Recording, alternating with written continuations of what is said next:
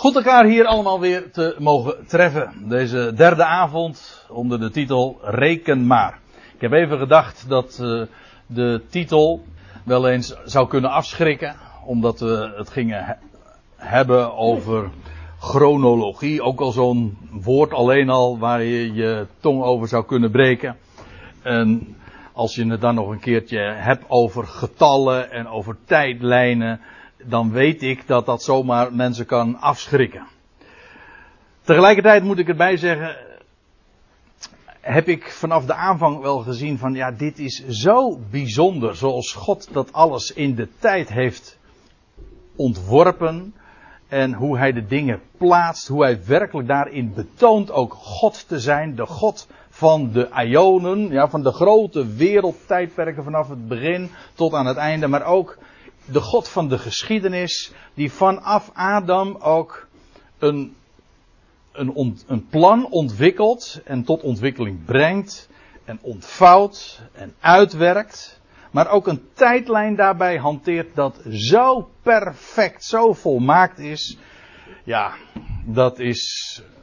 We hadden het in de auto zojuist nog even over een psalmwoord. Ontdek mijn ogen dat ik mogen aanschouwen de wonderen van uw woord. Nou, dat is precies waar het eh, eigenlijk deze avonden over gaat. Over de wonderen van zijn woord. Dan vooral in verband uiteraard met de tijdrekening. En we rekenen veel. En dat hebt u natuurlijk, dat hebt u de voorgaande avonden ook wel gemerkt. Ja, dat is eigen aan dit onderwerp. Laten we nog eens eventjes terugblikken. Ik heb vanavond weer een heleboel te te melden. En ik heb ook heel wat diaatjes gemaakt. En hoe ver, ver ik kom, ik heb uiteraard de planning om bij het eind te komen, maar ik ben daar niet helemaal zeker van. Ik wil niet het gaan afraffelen. Dus hoe, uh, hoe het uiteindelijk uitkomt. Nou ja, misschien, als we dan toch over de tijdplanning hebben, misschien dat we gewoon tot half elf doorgaan. nee hoor, dat zullen we niet doen. En dan. Uh, pakken we gewoon de volgende keer de draad weer op waar we hem eh, vanavond hebben losgelaten. We, we kijken even terug. Wat hebben we gezien? Nou, we zijn gewoon begonnen bij Adam. Die gecreëerd werd. En dan begint de tijdrekening. Dus bij het jaar 1. En we zijn zo doorgegaan ik ga dat nu allemaal niet meer toelichten hoe we zo aan die getallen gekomen zijn. Trouwens, die staan allemaal zo in de Bijbel. Maar je moet wel correct rekenen. Dat heb ik wel uh, toegelicht daarin.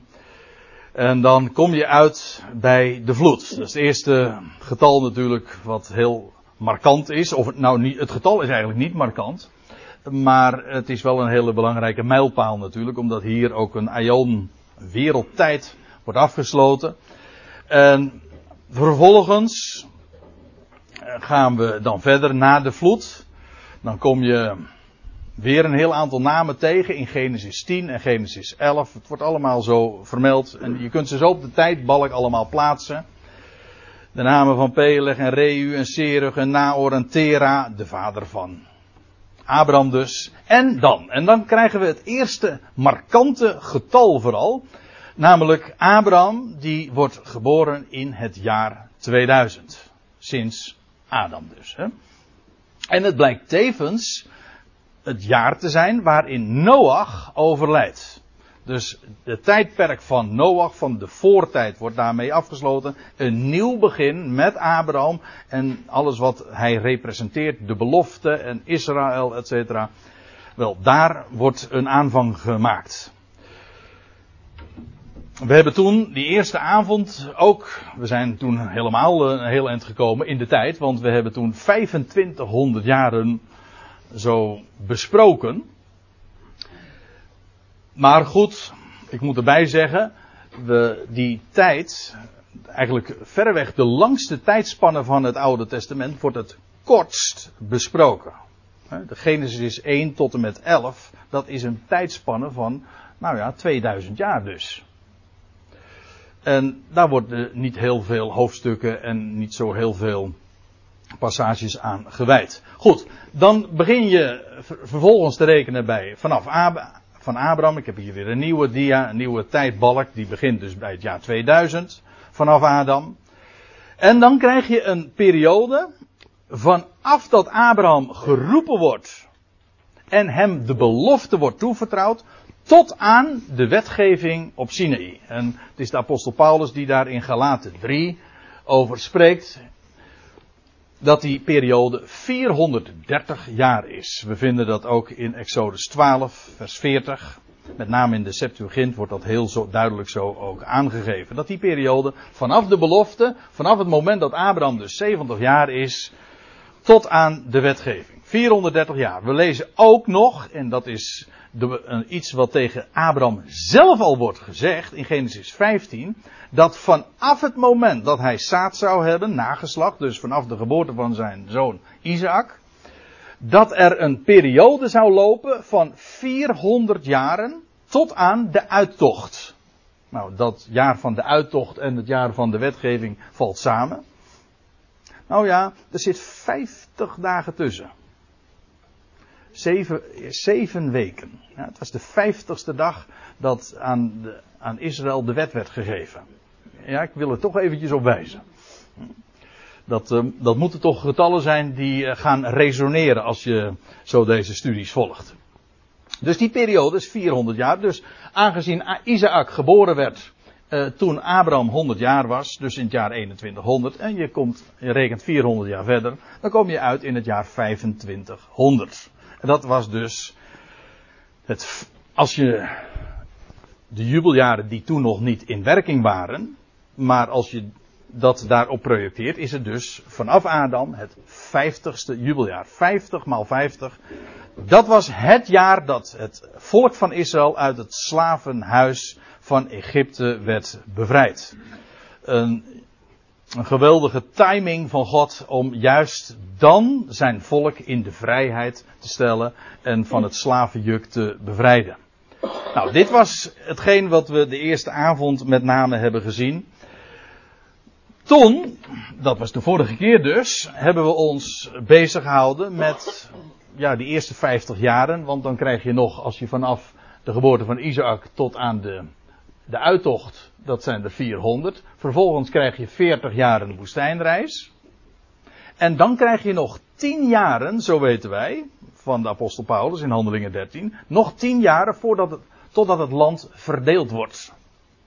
En dan krijgt ieder zijn lotsdeel. En dat is ook het moment dat voor Israël de hele cycli van sabbatsjaren en daarmee dus ook de jubeljaren gaan rekenen. En het bijzondere daarvan is dat dat precies gesynchroniseerd wordt met de jubeljaren die eigenlijk al dus eh, liepen.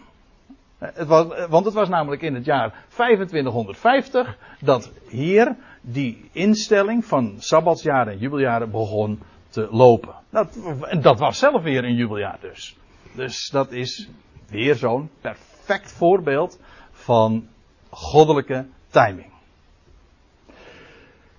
Nou, toen hebben we een hele periode van tijd uh, op, besproken, namelijk een periode die heel duidelijk gedefinieerd wordt in 1 Koningen 6, vers 1. Namelijk vanaf de uittocht uit Egypte, dat was dus in het jaar 2500. Je rekent 480 jaar verder en dan kom je uit bij de start van de tempelbouw. Dat was dus 480 jaar verder en dan kom je dus uit in het jaar 2980. Dat was het, je leest het vierde jaar van de, eh, van de regering van Salomo, maar het was het 480ste jaar. Nou, en dan lezen we, dat betekent dus dat dit die periode is ook, nou ja, van de richteren, waar het boekje Rut zich ook afspeelt. En de eerste, de eerste koningen, Saul, die 40 jaar geregeerd heeft, David en zijn regering, en dan de zoon van David, die eindelijk de tempel mag bouwen in Jeruzalem. Nou, dat was dus in het jaar, in het 480ste jaar na de uittocht en dus als je vanaf Adam rekent, in het jaar 2980.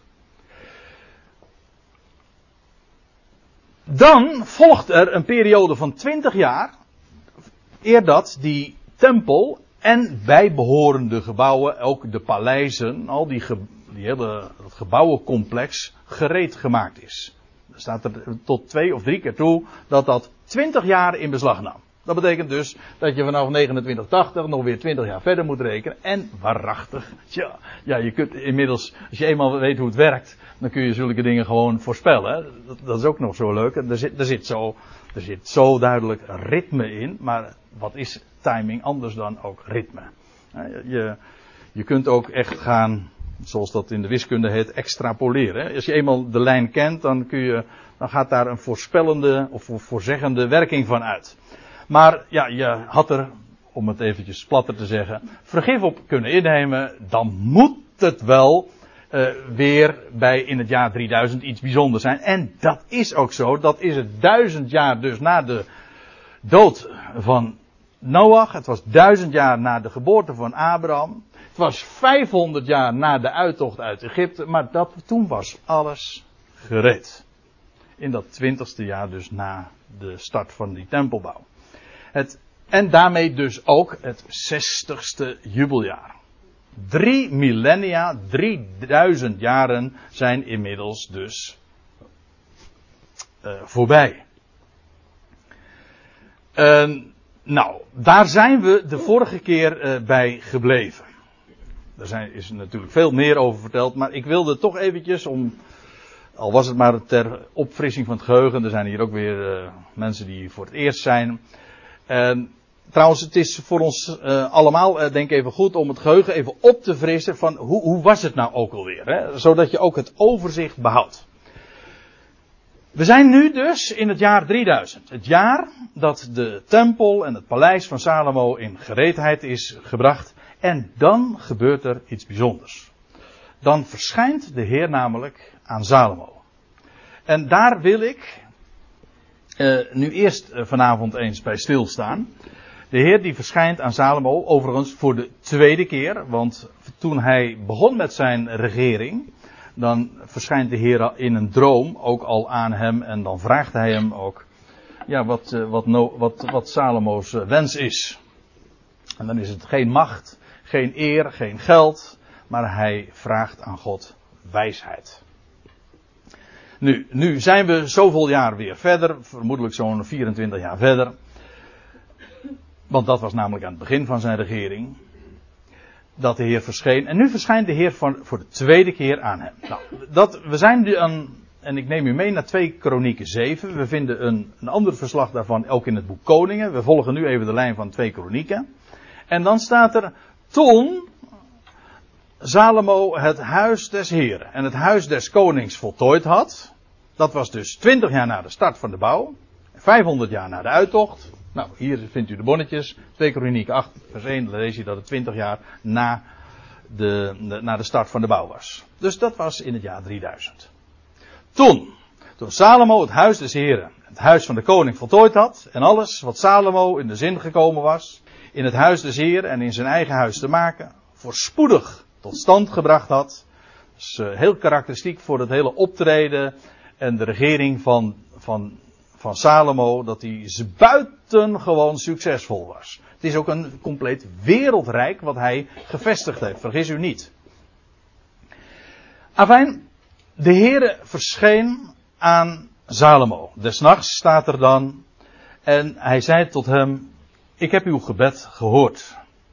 Deze plaats, hier in Jeruzalem, voor mij tot een huis van offeranden verkoren. Reken maar dat het een gigantisch bouwwerk is geweest, maar ook schitterend en uh, een, hoeveelheid goud en edelmetalen en het allerkostbaarste uh, werd daar allemaal uh, voor ingezet. Salomo was natuurlijk buitengewoon, niet alleen rijk, maar ook nog eens een keertje buitengewoon, niet alleen heel wijs, maar ook nog eens gigantisch rijk.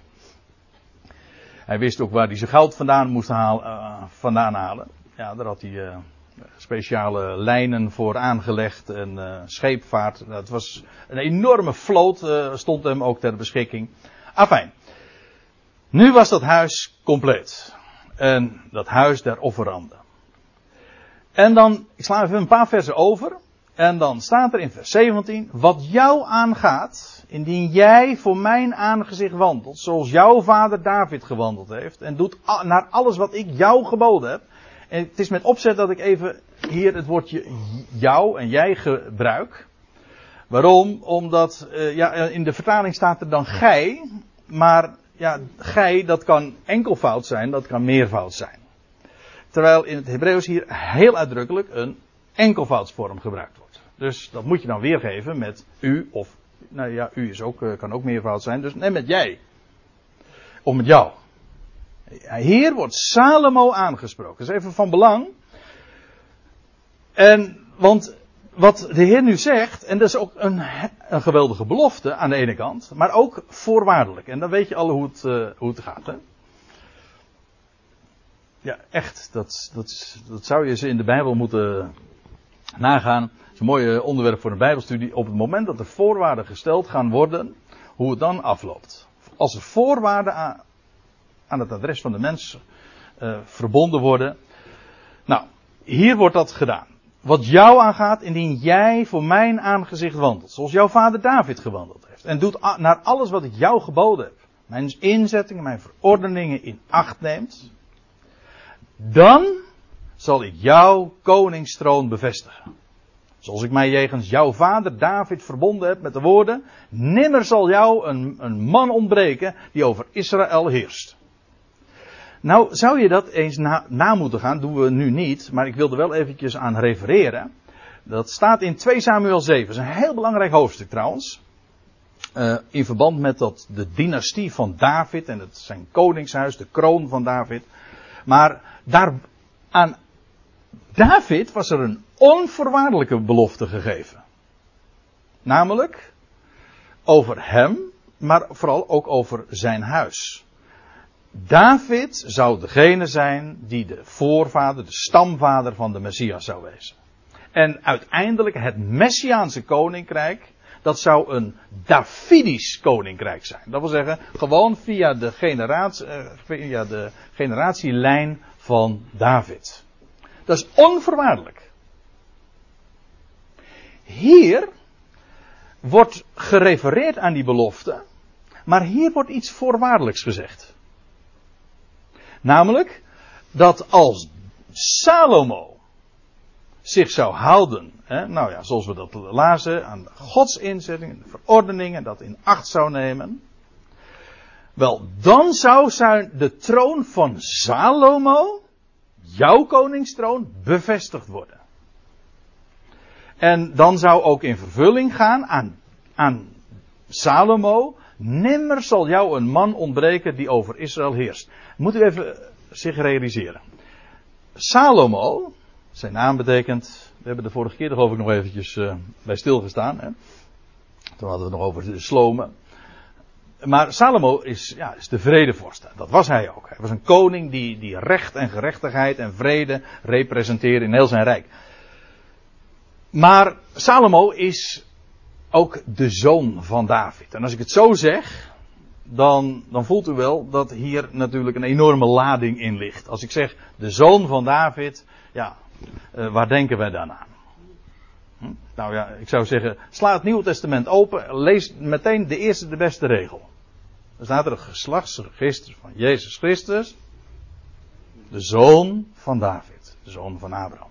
Maar zo wordt hij meteen heel triomfantelijk in het Nieuwe Testament geïntroduceerd. De zoon van David. Wel, de zoon van David zou uiteindelijk de belofte die ooit aan David gedaan was realiseren. Maar hier hebben we de eerste zoon van David, de eerste. Maar daar wordt een voorwaarde aan verbonden.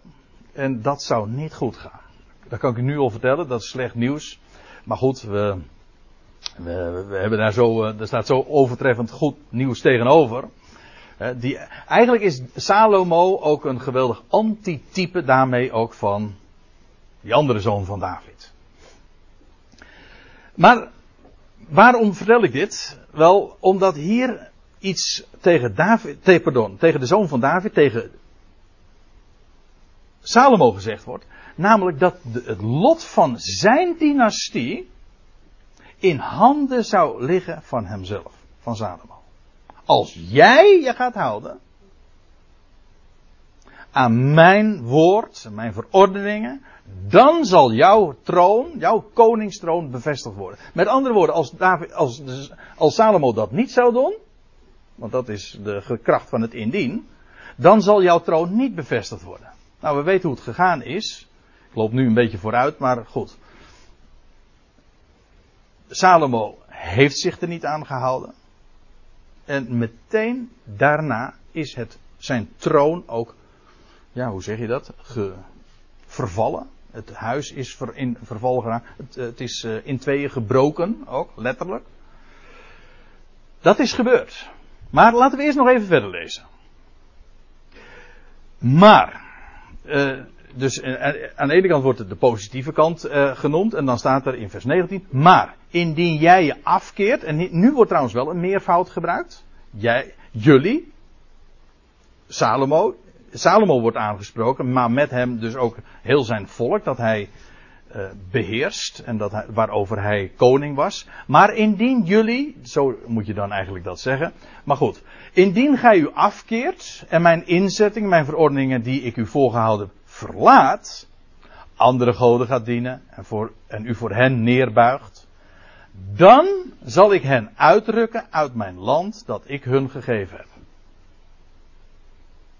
Met andere woorden, als jij, je volk, je niet houden aan mijn woord, mijn verordeningen, dan zal het slecht aflopen met jouw troon, maar ook met het volk, en ik zal hen, dat wil zeggen het volk, uitrukken uit mijn land. Dat, is namelijk mijn land, hè? En naar een andere plaats brengen. Ik zal, ik zal hen uitrukken uit mijn land dat ik hun gegeven heb.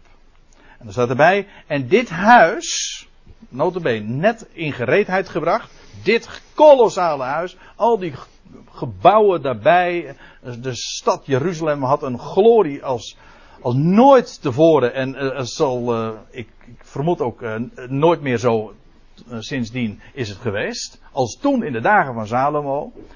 Dit huis dat ik aan mijn naam geheiligd heb, zal ik dan van mijn aangezicht wegwerpen.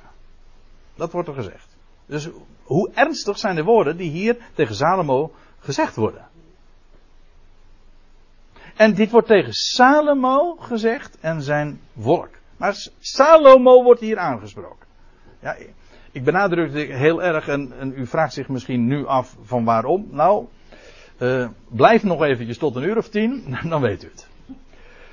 Dit huis, dat ik aan mijn naam geheiligd heb, zal ik dan van mijn aangezicht wegwerpen en ik zal het tot een spreekwoord en een spotreden onder alle volkeren maken.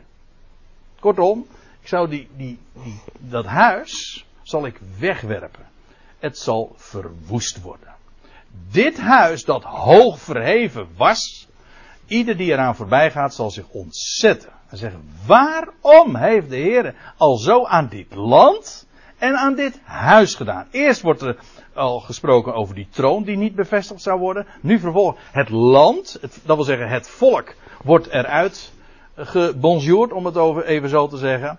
Uh, het land wordt kennelijk ook uh, niet uh, heel gelaten. Nou, dat is een understatement, want dat zal ook nog blijken. En bovendien, het huis zou verwoest worden. En ieder die daar lang zou komen, en ieder die daar, van oor, die daar oor, ehm, of dat ten gehore was gebracht, dat zou zien, die zou zich ontzetten en dit zeggen.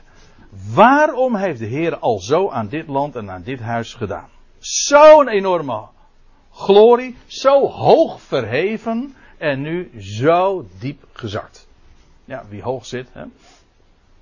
En wie hoog staat, die kan diep vallen. Nou, zo is het inderdaad ook uh, met Salomo vergaan. Ja, en dan zal men zeggen, het antwoord is omdat zij, Salomo en zijn volk, de Heere, de God van hun vader, die hen uit het land Egypte had geleid, hebben verlaten.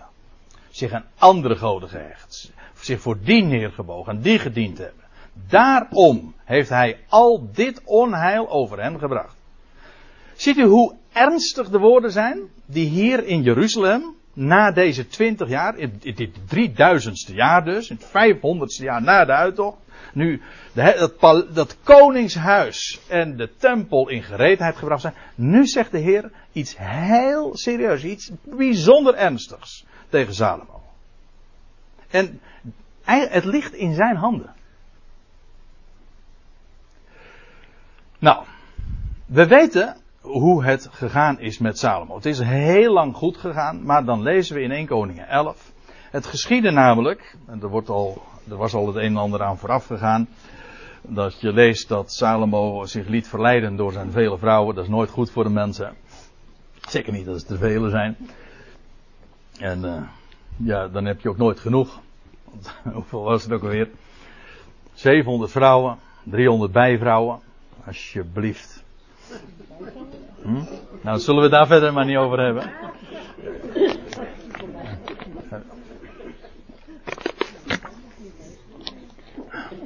Heb je misschien een glaasje? Ik vind het een beetje ordinair om met een, met een flesje. Ja, sorry. Maar in ieder geval, uh, nou, over die. Uh, dus, uh, je kunt het ook positief uitleggen trouwens hoor. Da want de vrouw is de heerlijkheid van de man. En Salomo, de zoon van David, had een duizendvoudige heerlijkheid dus. En, maar dan praten we over de, de zoon van David, die straks zal heersen. En in een duizendvoudige heerlijkheid. Ja, maar dat is dan weer het antitype. Het geschiedde namelijk dat toen Salomo oud geworden was. Dankjewel, Mini.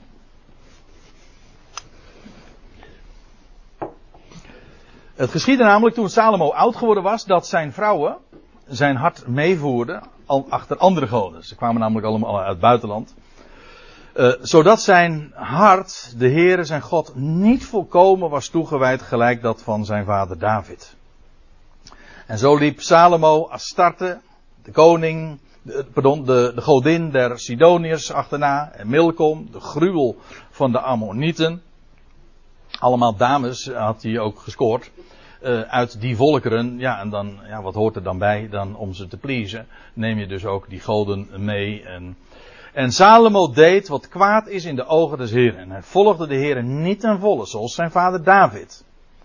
En toen de tijd bouwde Salomo, ik lees even verder, een hoogte voor Chemos, alsjeblieft zeg. Een, de gruwel van Moab, op de berg ten oosten van Jeruzalem, daar nog wel, moet je nagaan.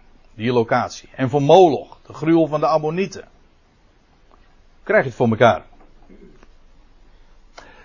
Maar allemaal natuurlijk om zich te, Die man die was natuurlijk, had een enorme populariteit ook uh, bereikt. Uh, was zo'n enorme macht. Maar nu ging die echt voor de bijl door door, ja, voor deze vrouwen, maar daarmee ook voor de goden en de godinnen die zij in brachten. Hetzelfde staat er dan in vers 8 in 1 Koning 11. Hetzelfde deed hij voor al zijn vreemde vrouwen die reukoffers en slachtoffers aan haar goden brachten.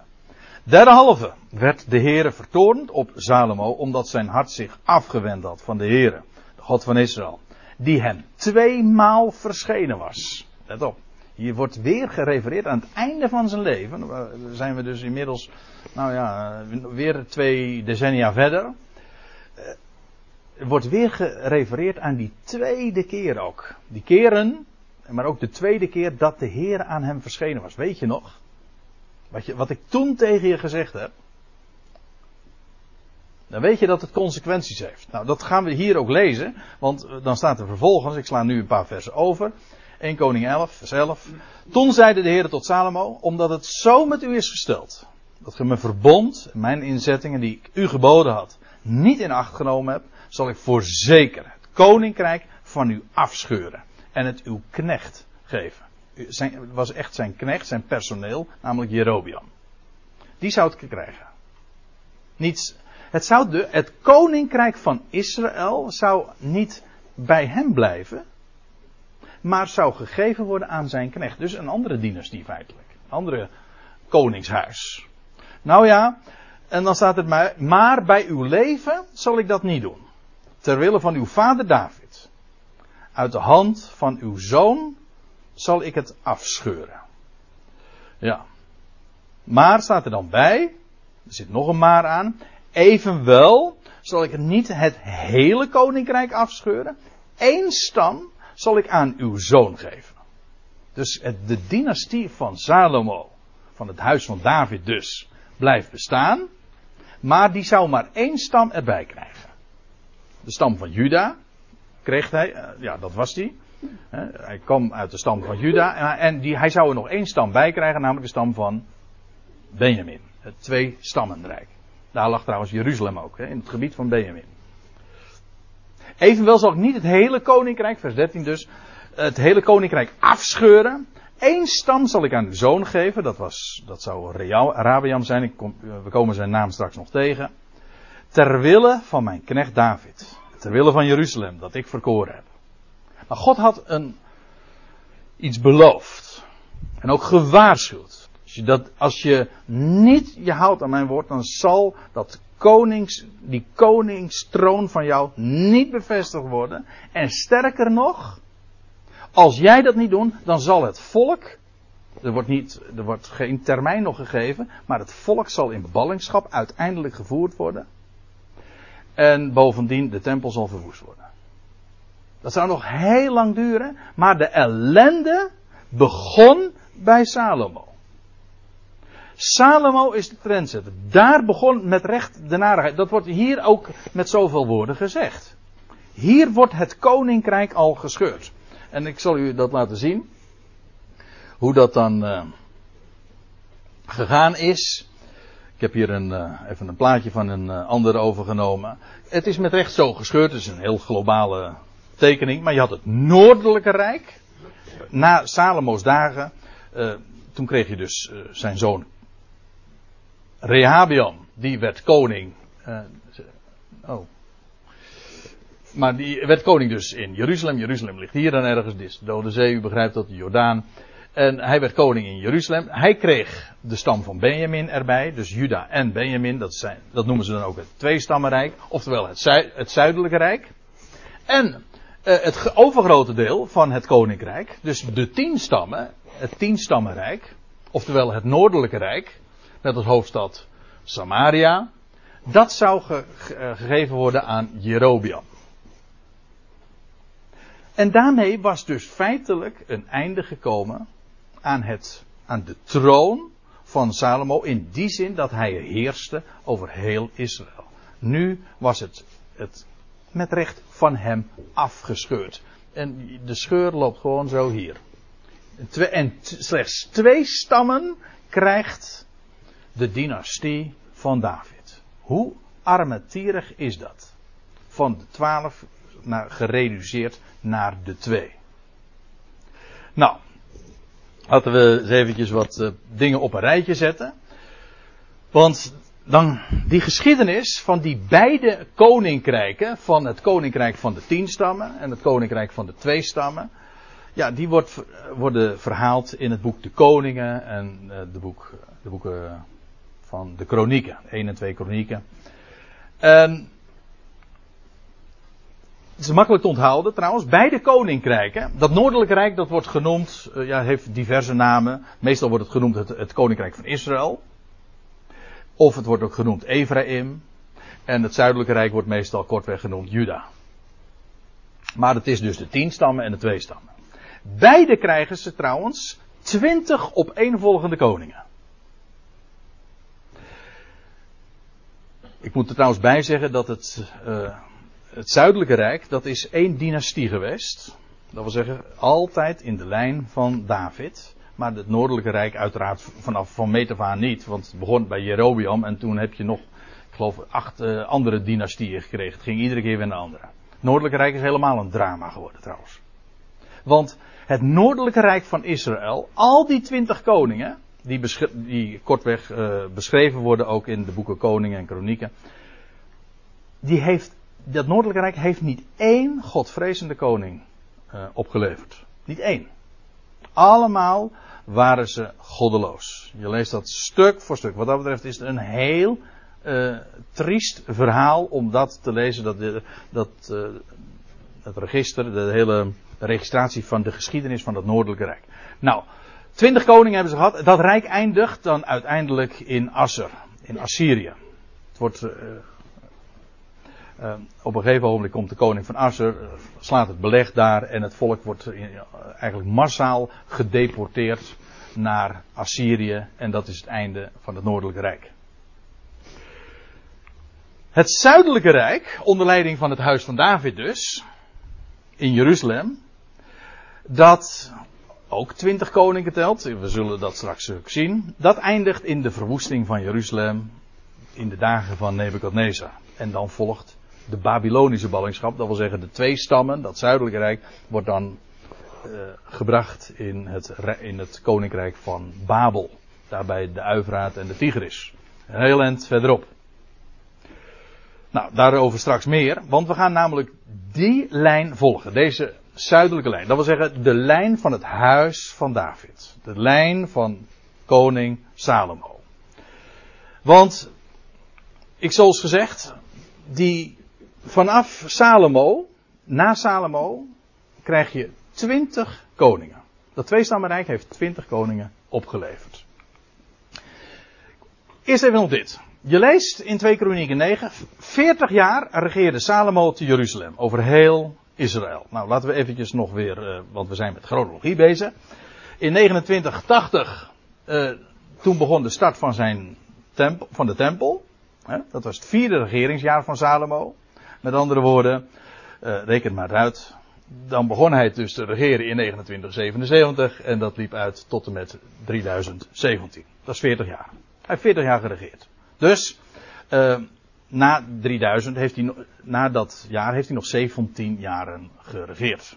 We komen daar straks nog even op terug. 40 jaar regeerde Salomo te Jeruzalem over heel Israël. Daarna ging Salomo bij zijn vaderen te rusten. Mooie, mooie uitdrukking die altijd zo in de Bijbel bezigt. Hij ging, hij werd verzameld tot zijn voorgeslacht. Ging bij zijn vaderen te rusten. En men begroef hem in de stad van zijn vader David. Dat wel. En zijn zoon Rehabiam, of Rehabiam, het hangt er een beetje vanaf welke vertaling je dan hebt, die werd koning in zijn plaats. Jawel, maar dan wel met een gigantisch gereduceerd rijk. Van twaalf stammen werd het nou nog een rijkje van twee stammen. Niet meer dan dat.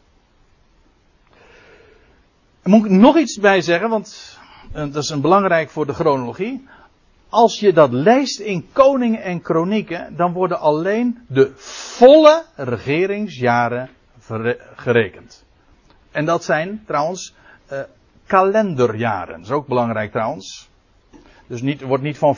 Dus stel je voor, hij begon te regeren, een koning regeert uh, vanaf 1 mei. En dan, is het, dan wordt dat niet gerekend vanaf 1 mei, maar gewoon het volle, regering, uh, het volle kalenderjaar. Dus uh, dat weten we omdat regeringsjaren worden vermeld zonder cijfers achter de komma. dus zonder het aantal maanden. Dus er wordt er gezegd 40 jaar regeerderij. Uh, niet 40 jaar plus nog wat. Uh, het punt is dat de jaren van de troonwisseling niet worden gerekend. Kijk, al heb je. Dit is het 40ste jaar van Salomo's regering. Namelijk het laatste volle jaar. Dit jaar heeft hij ook nog wat geregeerd. Hoe lang weet ik niet. Het maakt niet uit of het nou één maand of elf maanden is geweest. Maar in ieder geval heeft hij ook geregeerd. Maar Rehabiam werd koning in zijn plaats. Dit is het jaar van de troonwisseling. In dit jaar hebben, heeft en Salomo en Rehabiam geregeerd. Maar het is geen voljaar. En wordt dus niet meegerekend. Moet je even rekening mee houden. Dus uh, ik zal dat straks ook laten zien. Als er vermeld wordt als de regeringsjaren worden vermeld, dan gaat het over de volle, vo, volle regeringsjaren, kalenderjaren. En dan moet ik er nog iets bij zeggen. Dat klinkt allemaal misschien wat, uh, wat uh, ingewikkeld, maar het valt wel mee hoor. Die uh, regeringsjaren worden niet zoals dat met een mooi woord heet pas pro toto gerekend, dus een deel voor het geheel. Het is niet zo van een, als je een deel van het jaar regeert dat je dan uh, een heel jaar regeert. Dat weten we, want van twee koningen, we zullen een naam uh, passeren straks nog, Joachas en Jojakin, die hebben slechts drie maanden geregeerd. En dan wordt er niet gezegd, ze regeerden één jaar. Dus het wordt vermeld, het wordt in dat geval wel de maanden vermeld, gewoon omdat, de, omdat, in zo'n zo'n kroniek moet wel vermeld worden dat die koning geregeerd heeft. Maar er wordt niet gezegd hij heeft één jaar geregeerd. Nee, dan wordt er wel het aantal maanden genoemd. Bij uitzondering dus. Omdat ze niet, niet eens aan een jaar gekomen zijn. Nou, met dat even in gedachten uh, gaan, we, uh, gaan we gewoon tellen. En je kunt dat, en ik heb, aanvankelijk had ik de, de PowerPoint veel langer gemaakt met al die Bijbelteksten en nog voluit uh, afgedrukt. En ik dacht van ja, goh, dat is, uh, dat wordt, als ik dat al die allemaal moet gaan noemen, dat, Dat wordt, dat wordt een beetje te veel werk. U kunt het gewoon, ik, ik geef wel de bonnetjes erbij. Ik laat gewoon overal de Bijbeltekst zien waar je het ziet. in deze tekst lees je dus dat nadat de Heer heeft, is verschenen aan Salomo, heeft hij nog 17 volle jaren geregeerd. Vervolgens neemt Rehabiam zijn plaats in. Dus als we die jaar van troonwisseling er ook nog even bij rekenen, dan is dat inclusief het jaar van troonwisseling 18 jaren. Dan krijg je Rehabiam, nou zijn naam viel al. Daarvan staat in 2 Kronieken 12 vers 13 dat hij 17 jaren regeerde in, in totaal. 2, 17 volle jaren. Ja. Dan krijg je Abia en dan staat in 2 Kronieken 13 dat hij drie jaar regeerde. Drie volle jaren. En dan krijg je Asa en die regeerde, regeerde maar liefst 41 jaren. En dan krijg je Jozefat, dat is een bekende trouwens, want dat was een hele goeie. Want het, interessante trouwens, het, uh, het koninkrijk van Israël, het noordelijke rijk, heeft twintig koningen opgeleverd, maar niet één daarvan deugde. Allemaal waren ze goddeloos. Van het koninkrijk van Juda, nou, ik zeg niet dat dat nou zo een uh, lichtend voorbeeld in alles was, maar heeft in ieder geval zeven godvrezende koningen gehad. En Jozefat was daar één van. Uh, ja, er zijn geweldige dingen in zijn uh, koninkrijk ook gebeurd. Is nu verder niet het onderwerp. Alleen wat het even waar het om gaat is. Hij heeft 25 jaren geregeerd. Dat wil zeggen 25 volle jaren. En dat wordt vermeld dus in 2 Kronieken 20. Nou goed, dat hoef ik nu allemaal niet bij te zeggen. Uh, dan krijg je Joram, die heeft acht jaren, acht volle jaren geregeerd. Dan krijg je Ahazia, die heeft slechts één jaar geregeerd. Dan krijg je Atalia. Dat is, een, dat is geen koning, maar een, een koningin. Dat is de enige. Dat is trouwens een vreselijk mens. Ja, dat is, die heeft, die heeft nog geprobeerd zelfs het hele koningshuis van David te vernietigen. En ze dacht ook dat ze daarin geslaagd was. Ja, ik heb, ik heb daar ik, trouwens in Ebenezer een keertje over gesproken. Over, uh, over, over uh, het ventje Josia. Die, ze, die uh, een tante. Dat was, ze, ze dacht, het is leuk om te vermelden. Nou, goh, voor zover zoiets leuk is, hè. Want het is eigenlijk een verschrikkelijk drama. Ze heeft, een bloedbad aangericht. Dat hele koningshuis van David had ze omgebracht. Dus, ja, moet je nagaan. Toen dacht men, in die dagen, jongen, het wordt nooit meer wat met het uh, huis van David. En dus ook niet met de belofte die God ooit aan David had gegeven. Laat staan dus over de Messias en het Messiaanse Rijk. Dat geregeerd zou worden door iemand uit het huis van David. Want het hele huis van, da het hele huis van David, hoor wat ik zeg, hè, was uitgeroeid. Het hele huis. Dat is toch drama, een drama geweest voor elke godvrezende Israëliet. Maar, maar er was een, een, tante, uh, ja, die had, er was één jochie, een babytje, was ontkomen. De, die, en die heette Josia, en die had een tante, van die Josia had in veiligheid gebracht. En moet je nagaan, dat ventje, dat, is de enige overgeblevene, die was gebracht in de tempel en daar in, in, in een van de kameren van het beddengoed lees je is die daar jaren verborgen gehouden. En tot zijn, zesde jaar, tot zijn zevende jaar naartoe. Ja, dat is echt een heel bijzonder verhaal. Men dacht het hele huis van David, dat is over en uit. En in werkelijkheid was daar ergens in het huis Gods, in het verborgene, was daar nog een zoon van David. Die inderdaad in het zevende jaar verschijnt. En alsnog koning wordt. Tot verschrikking natuurlijk van Natalia, want toen was haar hele spel uit. Want ze voerde nog eens een schrikbewind ook, dus uh, is, uh, Juda was helemaal klaar met haar. Goed, nou, u begrijpt, alleen al zo'n verhaal van Josia, dat is zo een schitterend plaatje van de echte zoon van David, waarvan iedereen denkt, iedereen denkt van het is hopeloos gesteld met, met dat koningshuis, dat wordt never nooit meer wat. En in werkelijkheid er is een zoon van David, alleen niemand weet waar. En wij weten het wel, namelijk in het huis van God. Ik bedoel, in het hemels heiligdom. In het heiligdom. Als ik het zo zeg, dan, uh, en je hebt uh, de Hebreeënbrief een beetje in gedachten, dan weet je meteen waar ik het over heb. Daar is hij. In het verborgene. En straks komt hij uit het heiligdom. En dan zal hij alsnog de belofte gaan waarmaken. Eigenlijk mag ik zulke uitstapjes helemaal niet maken natuurlijk. Want... Maar goed, Atalia. Atalia regeerde zes jaar. Uh, en dan krijg je Joas. Nou, zijn naam noemde ik. En die regeert dan vervolgens 40 jaar. Dus tot zijn 47ste. En dan krijg je Amasia, zijn zoon weer. En dan krijg je Ussia. Dat is trouwens ook een, god, een godvrezende man geweest. Ik moet er wel bij zeggen, in al die zeven gevallen dat het wel een godvrezende koning was, die gaan allemaal aan het eind van hun leven een keertje de mist in. Dat is wel weer tragisch. Maar goed, uh, van Ussia trouwens ook, lees je dat. Maar die heeft maar liefst 52 volle jaren geregeerd. Dan krijg je het jaar van de troonwisseling. Maar goed, die noem ik er even expres bij. Hier vind je dus de aantal jaren die je hier vermeld vindt. Ja? Dan krijg je Jotam, die 16 jaar regeert. Dan krijg je Agas, 16 jaar. Hiskia, nou die naam kent u natuurlijk allemaal. Is ook een eh, godvrezende man. Geweldige dingen heeft die man ook uh, gedaan. Heeft 29 jaar geregeerd. Heeft er ook nog eens een keertje 14 jaar bij, 15 jaar bijgekregen. Nou, een ziekte. Het boek Jezaja gaat daar nog uitgebreid over. Dan krijg je Manasse. Dat was een vreselijke man. Manasse, maar hij heeft wel erg lang geregeerd. 55 jaar. Ammon krijg je dan. Dan krijg je Josia, weer een godvrezende man. 31 jaar regeren die krijg je. Joachas, we komen er wel hoor. Maar u voelt wel, het, is, het moet een lijst van 20 koningen worden. En dat wordt het ook. En dan vind je.